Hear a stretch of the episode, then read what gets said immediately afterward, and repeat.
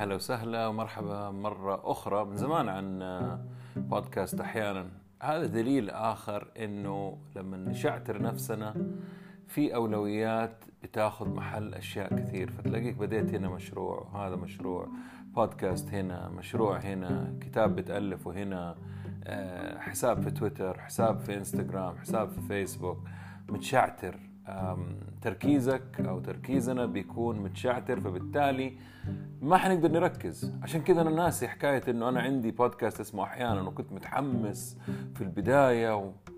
يعني حتى الآن جالس أفكر هل أستمر على هذا البودكاست ولا لا؟ وغالبا 90% ما حستمر عليه يعني اللي سجلته سجلته. لكن رجعت له لأنه آه، أحتاج الخاصية حقت أنكر هذه لأنه تقدر تسجل طبعا أنا عندي مايك خاص للتسجيل قاعد أستعمله في الجوال. آه، ميزة ال application هذا معطيك حرية مطلقة. يعني الآن ممكن أسجل ومو شرط أحط البودكاست في Anchor ممكن أسوي له تنزيل وأحطه في موقعي الخاص. فالمهم من ضمن الأشياء اللي اللي أو الشيء اللي كنت بتكلم فيه هو ليش في أشياء بتاخذنا من أشياء أخرى؟ ليش التركيز حقنا مشتت؟ طيب إحنا عايشين في فترة أنا عارف زمنية حديثة بالنسبة للبشرية وسريعة وتكلمت في الموضوع هذا مرة كثير على بودكاست أكثر من أربع بودكاست مركز في موضوع التكنولوجي واللي حاصل فيها في العالم.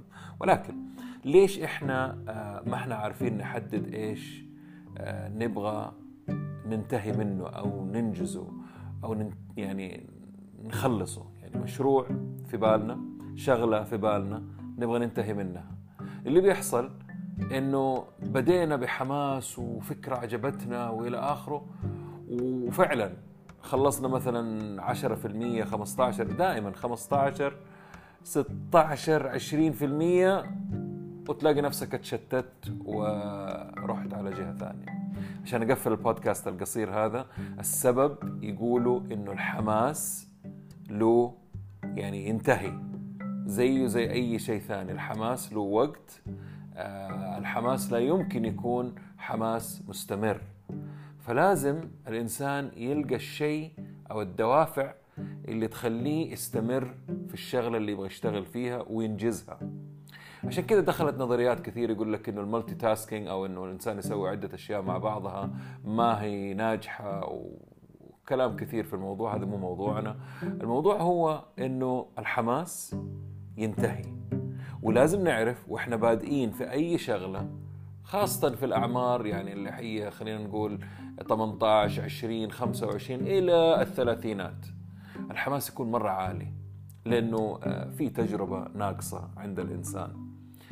أنا بتكلم من واقع تجربة. أنا أكثر إنسان يبدأ أشياء وما ينتهي منها. الوالد الله يطول في عمره يقول لي أنت مشكلتك إنك ما تنهي الأمور. اليوم اللي قررت فيه إني أوقف من التصرف السيء هذا تحركت حياتي الحمد لله للأفضل وأصبحت أنجز وأشوف نتائج لأفكار كويسة أنا في رأيي آه، أنجزتها.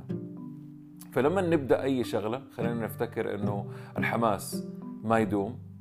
ولكن الشيء اللي يدوم هو آه، ليش أو رغبتنا في إنجاز هذا الشيء، إيش الهدف السامي، الهدف الأعلى، الهدف اللي يفيدني أنا في حياتي الشخصية إني أنا أنهيه. إذا عرفنا الأمور هذه حنقدر نستمر، فدائما نقسم شغلنا لأجزاء بسيطة.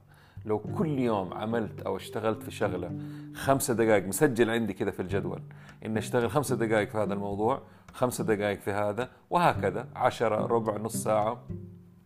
طبعا حتكتشفوا إنه الأشياء اللي أنتم مهتمين فيها معطينها أولوية أكثر. زي عندي أنا مثلا في البودكاست الكثير اللي عندي البودكاست الرئيسي حق نتكلم business هو اللي آخذ آه، أكبر اهتمام وأخاف عليه أكثر من أي شيء ثاني.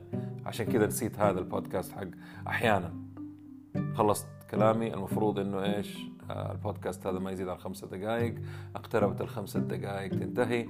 آخر كلمة أبغى أقولها الحماس ما يدوم. شكرا لوقتكم. السلام عليكم ورحمة الله وبركاته.